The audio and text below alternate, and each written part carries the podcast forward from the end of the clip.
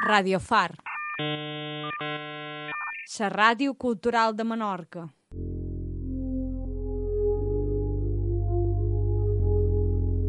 Residents. Residents.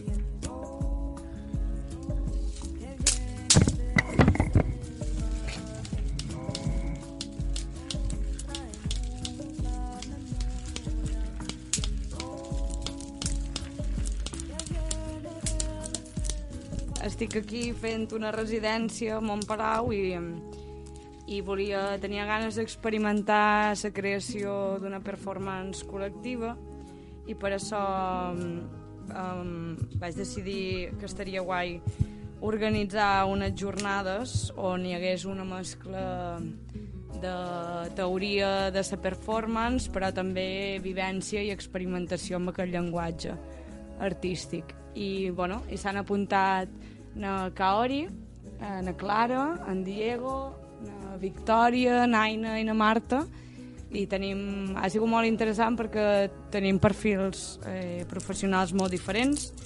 Eh, quatre de nosaltres som artistes, tenim una persona que es dedica a teràpies sonores, eh, una mestra i una, una educadora social. I ha sigut guai poder compartir, interessant poder compartir els diferents punts de vista de cada una. I no sé, Jo, Marina, m'agradaria que parlassis de, del teu referent més important eh, eh, en el món de la performance, ja que la part teòrica que ens vas impartir era molt interessant i bé, m'agradaria saber de tots els artistes de performance que varen veure, quin per tu seria el model amb el que més t'identifiques. És difícil respondre en aquesta pregunta, però de tot, de tot el que hem estat mirant aquests dies, una de les més punyents i que més me toca directament és la Regina José Galindo, que és una artista guatemalteca i no sabria molt bé, crec que podríem xerrar entre totes un poc de de de lo que mos va remoure quan vam veure les seves accions. La veritat és que no sé molt bé com respondre aquesta pregunta, però vos convido a investigar la seva pàgina web, que és molt interessant. I, no sé, podríem comentar...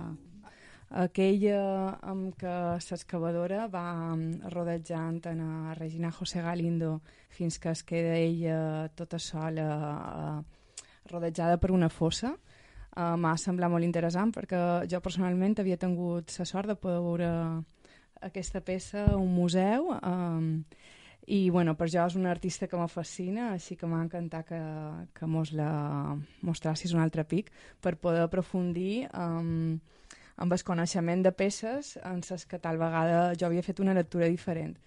Per tant, eh, la Regina José Galindo és una artista molt política, molt activista, eh, i poder veure la relació d'aquella peça amb, eh, en les fosses comuns, en tota la història de Guatemala, era, li dona una altra dimensió molt més profunda i molt potent. Així que jo crec que va ser una part molt important d'aquest taller, es poder um, fer una mirada més profunda i compartir-la amb els companys sobre aquestes peces. Sí, de fet, a mi, per exemple, també em va, em va ressonar molt uh, aquesta peça en concret i una de les coses que, amb les que més em vaig quedar és la- l'aportament que ella fa al referir-se a que les, les fosses comunes molts cops es preparen inclús abans de que les persones estiguin mortes, no? És, algo, és una imatge superviolenta de la que ens parla ella, inclús sense parlar-nos-hi directament, no? Bé, jo com a educadora social i tampoc tal no estigui tan especialitzada en, en autores de performance i autors, eh, però jo simplement la, la disciplina o el gènere de performance m'ha pareix in, molt interessant com a mitjà de- d'expressió, no? tan eh, efímer, instantani, i tal vegada és una bona combinació com a també eh, sensibilització, no? Com a la part aquesta que té també social i jo també ho he pogut combinar un poc en, la, pues en aquesta part més de crítica i de sensibilització que al final també ha de tenir una, una educadora social, no? I m'ha pareix molt, eh, molt interessant eh, com a treball en, en grup i, i com aquella part instantània, no? I contacte directe amb el, amb el públic. Per tant, per mi, més que autores això, m'ha paregut interessant el tema de l'experiència en si, eh, la disciplina com a performance artística. Claro, a mí me parece muy interesante un punto de... Claro, siempre hay una pregunta de que qué hay diferencia entre teatro y la performance, ¿no? Entonces, referente a la obra de Reg- Regina, no solamente recibimos, eh, no- nosotros sentimos em, al, al ver a su obra, sino eh, sentir, cómo sentiría ella. ¿no? Este punto que a mí mm, me ha tocado mucho. Entonces también um, performance de ayer que hemos hecho, em, muy importante, cómo sentimos nosotros y este sentimiento que conecta con, con el público. Esto, este movimiento a mí me parece muy interesante también en tu punto que, eh, Marina, que estabas quieta en mayor parte de obra. Entonces, ahí eh, físicamente quieta, pero dentro hay movimientos. Entonces, esto es un peso de obra. Este punto es eh, muy interesante, yo creo, en el. Eh, yo vengo de unas prácticas performáticas diferentes y entonces Marina nos ha puesto como unos referentes muy fuertes y, tenía como dos ejes, uno era el feminismo, posfeminismo, llamarlo así, y otro lo político-social y la naturaleza. Y eso nos ha impactado desde el primer día a todos. Hemos hecho unas prácticas en el bosque que, que ha, estado, ha estado muy bien. Nunca había realizado ese tipo de prácticas.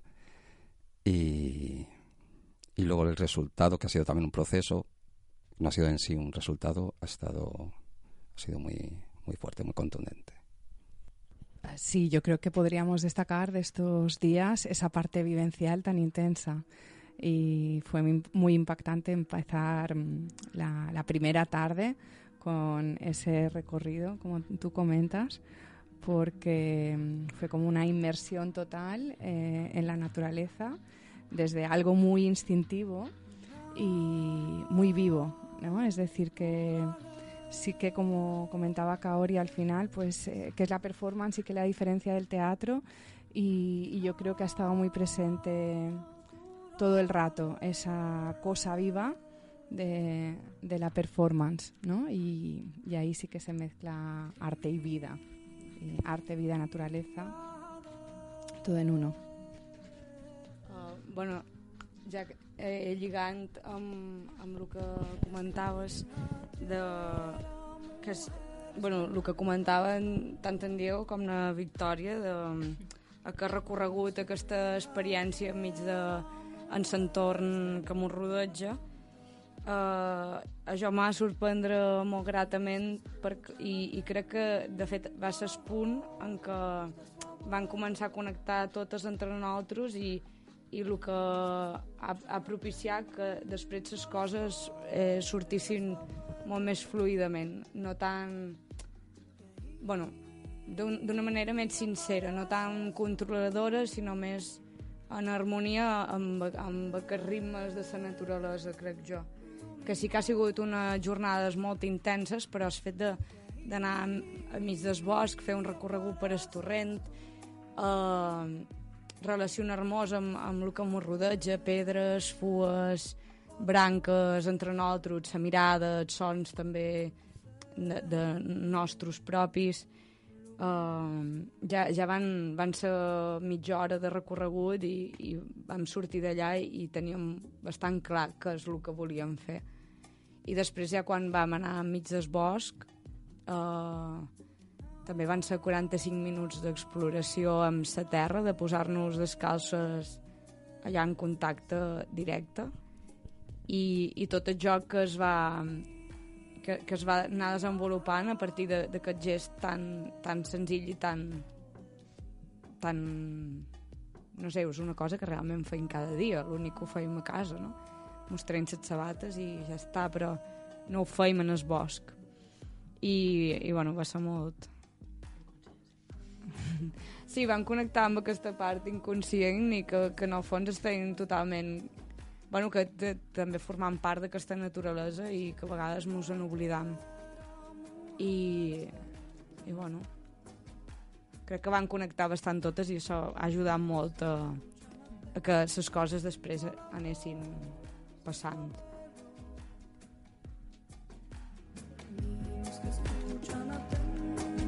a la historia de su abuelo.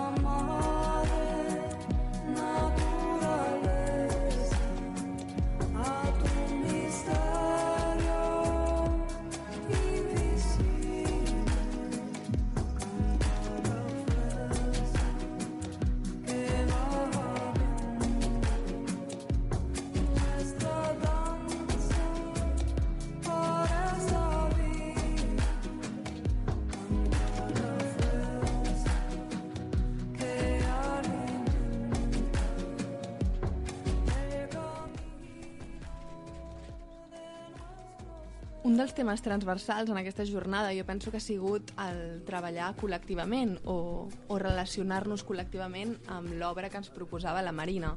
Crec que ha sigut un repte, i sempre és un repte, treballar amb altres persones, en aquest cas amb altres persones que no coneixien de res, que venien de contextos diferents i de disciplines diferents, perquè requereix, així com deia la Marina, amb la natura, una escolta, un intentar dialogar, requereix també un esforç intentar dialogar amb, la, amb altres persones que no coneixes de res. És tot un repte escoltar les propostes i intentar no imposar les teves que faries en altres, en altres espais i intentar construir entre totes on algo on, on la veu de totes sigui escoltada i on la veu de totes hi sigui reflectida. Algo en, en el que tots ens sentim d'alguna manera involucrades sense marcar un ritme concret, sinó que el ritme sigui marcat entre, entre les diferents participants. No sé què pensen les meves companyes sobre això, però... Bueno, també eh, en, que rima de les participants el que dius tu de... mm, Bueno, que cada una té un ritme diferent, però s'escolta propicia que, que els ritmes es vagin una mica sincronitzant, però dins a, aquesta escolta, dins aquest diàleg, també hi ha hi pot haver tensions. I, i com aquestes tensions també ens estan donant una informació perquè connecta amb una, amb una part de la naturalesa. I és com, com, com t'enfrontes en, a, en aquests imprevistos. I que això, i aquests imprevistos hi són en es, a la natura. Hi són, i, i com els encaixam. I aquí relacionen també un poc amb, amb l'estructura amb les jornades com, com s'han desenvolupat. Perquè jo les vaig plantejar amb una estructura un, més definida, on, on hi havia molta part teòrica també de comentar eh, referents i textos de, de, del món de la performance, ja a nivell tant de resonants com de, com de teòrics, i, i com a partir d'aquesta escolta també s'ha de, de construït aquesta estructura, perquè eh, s'ha- anat improvisant constantment en funció de lo que estava passant en el grup. I, i crec que aquí també, en, a, en aquesta manera de fer feina, de, de mediar un, unes jornades o, o un taller, eh, també, també entra, mm, bueno, està molt lligat a, a, un, a un procés col·lectiu que xerràvem antes, no?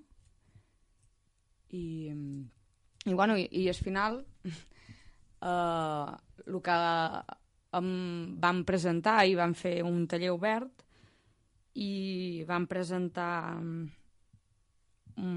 allà on vam, hem arribat en aquest procés en relació eh, a un projecte meu que es diu Transmutacions eh, i el tenia exposat aquí a Montpalau. És una instal·lació que, feta de branques eh, connectades amb silicona i pintades de daurat que estan penjades del sostre amb fil de pescar i, i com la nostra proposta col·lectiva dialogava directament amb, amb aquesta instal·lació també. I, i bueno, així perquè vos fagueu una imatge un poc mm, bueno, una imatge visual de lo que va ser vam omplir tota, tot el taller de, de branques seques que vam recollir del bosc eh, que, estava, que havien caigut i, i tal.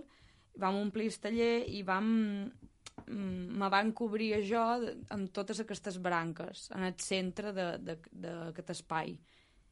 I, i cada una en aquesta acció, a la performance que va sortir, cada una anava realitzant una acció amb, amb aquestes branques que, que estaven cobrint alguna que, que era invisible, que no es veia, però estava present, però no mm, d'una no d'una manera conscient mm, i, i com en aquesta acció d'anar rompent branques o anar fent eh, sons amb aquests elements o d'anar interactuant amb els companys, amb les companyes, d'anar traguent branques d'aquest centre i tal, com a poc a poc es anava descobrint una algo que hi havia allà enmig i que cada un ho ha llegit de maneres diferents. I com aquest algo que estava allà enmig eh, també també dialogava en la instal·lació de dalt i, i no sé si algú vol continuar un poc amb aquesta descripció perquè crec que serà més encertada si l'acabam entre totes. Jo penso que és important esmentar el nom de, de la performance o de l'assaig que vam presentar ahir. Vam decidir posar-li assaig número 4 perquè també ens ho preníem com un procés. És també una mica ambiciós intentar fer alguna cosa en 4 dies i, i quedar-nos amb, amb la part de que és un procés i que forma part d'un procés i que d'aquí poden sortir altres coses, crec que és un apunt bastant interessant, no?, de que, com, com ens hem vist i com, com continuem treballant cada una de nosaltres amb el que ha passat aquests dies. Un apunt molt puntual. Quatre dies no, en dos dies i mig. dos dies i mig, que és la veritat. No passa res. O sigui que encara doble... Doble, Doble repte. Sí, doble repte. Jo afegiria en aquesta part de posar-li èmfasi en que ha estat un procés i en aquesta descripció visual de tot el que va passar afegís component d'improvisació. I crec que és interessant mencionar-ho perquè és el que té la performance quan parlàvem de la diferència entre teatre i performance, que la performance està oberta a que passin coses, és com que un entra en una mena de trance, per dir-ho així de qualque manera, i en aquest, eh, en aquest moment present eh, se permeten passar coses que no estaven dins el guió ni dins eh, el que s'havia assetjat i crec que és un punt interessant d'aquesta disciplina i que reforça aquesta escolta de la que parlàvem abans. És necessària una escolta subtil per saber el que li passa en el grup i, i des d'allà eh, permetre que, que passin coses. Tal vegada estaria bé, o seria interessant que cada una pogués explicar un poc com, com ha viscut aquesta experiència o, o si prefereix centrar-ho en la performance. Bé, eh, per a mi, per una banda, eh, ha estat un nou concepte de, de taller, perquè és mm, on tots els participants estem en el mateix nivell i nos hem sentit així, molt participatiu i, i la performance te dona aquesta permissivitat no? de, de participació, no? que jo crec que és un poc la tendència on va a nivell educatiu també, no? de no, que no hi hagi aquesta jerarquia entre professor, alumne, entre tallerista i els, els, els que participen i aquest dinamisme que te dona i aquell aprenentatge permanent que et dona entre, en aquest cas tu, Marina, que és la que ha pres la iniciativa, però després tots de sentir-nos no? com a eh, aprenents, tots en el mateix nivell, no? I per jo ha estat, eh, per aquesta banda, un, un nou concepte, sí, de, de rebre formació i també de formar, no? I tots eh, igualment, no? I se necessita molta, per lo que hem dit fins ara, molta escolta i molta, eh, la veritat, eh, molta sensibilitat en el sentit de, sí, eh, el que dia a nivell terapèutic sense voler, no? d'expressió, de com ens sentim, és a dir, més que terapèutic, de comunicació i expressió, no? I, i ha estat, eh, sí, per un aprenentatge eh, molt, molt interessant i, i sí, molt diferent mm, a lo que he viscut fins ara. Sí, a ver, yo solo las sensaciones que he tenido era llegar a un espacio muy particular, porque lo decía mucho, con el entorno y luego la gente que estaba aquí, cómo nos han cuidado, el ambiente familiar, pues eso también ayudaba un montón a, a, lo que se ha creado. Y luego los ejercicios han sido, como decía antes, muy intensos, intensivos y potentes. Y es toda la sensación que he sacado. Um, bueno, jo, jo també crec que recolliria totes aquestes sensacions que, estais, que, este, que estan xerrant les meves companyes i, i bueno, personalment crec que uh, he tingut com l'oportunitat, no? aquest espai, aquesta, com notar com un cos molt present, molt disponible, molt connectat amb un entorn, que crec que també l'entorn és un concepte que, que, el, que li hem de donar molta rellevància, no? aquest entorn que, que mos acull aquests dies, que mos ha acollit, penso que, que ha estat una, una de les coses més importants que mos ha portat a arribar a aquest resultat i, i també, sobretot, la connexió amb, amb les persones i amb, i amb tot. No? Era muy importante esta palabra de transmutación, es punto de partida, cuando nos dijiste qué vamos a di- em, definir, qué palabra vamos a definir, pues eh, ha salido varias palabras, pero claro, ah, esto, pa- esta ah, palabra transmutación elegiste para em, título de la tu obra. Entonces sí que tiene una, un peso, porque no es una palabra, sino tu proceso entero estaba concentrado en esta palabra. Entonces, em, yo creo que em, esto tiene un peso en la hora de eh, actuar en la, en la performance que hemos, eh, hemos hecho.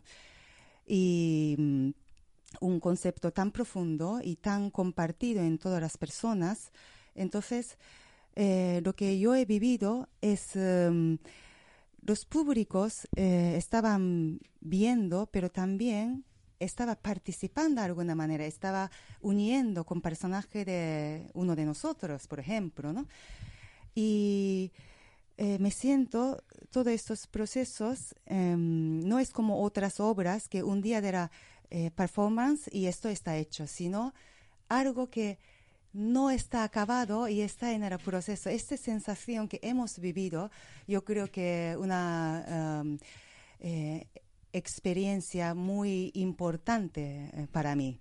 No es un taller ya está hecho, sino estamos en proceso. Per a quan d'assaig número 5? Mm, Bé, jo m'assumo el que s'ha dit anteriorment, és veure que tot ha facilitat molt aquesta connexió entre nosaltres. Uh, na Marina, tu com a tallerista, que en el final si bé era tot molt horitzontal, tu ens lideraves, uh, Montpalau acoïm-nos i, i tot l'equip uh, en conjunt i ha facilitat una connexió entre nosaltres que trob màgica i que ens ha permès explorar l'art en viu que, que és quelcom que tal vegada no és tan habitual, no? I que art viu eh, ja inclou tot això que, que hem estat comentant, no? De procés, d'experimentació i, i bé, en aquest sentit crec que és molt valuós poder explorar això.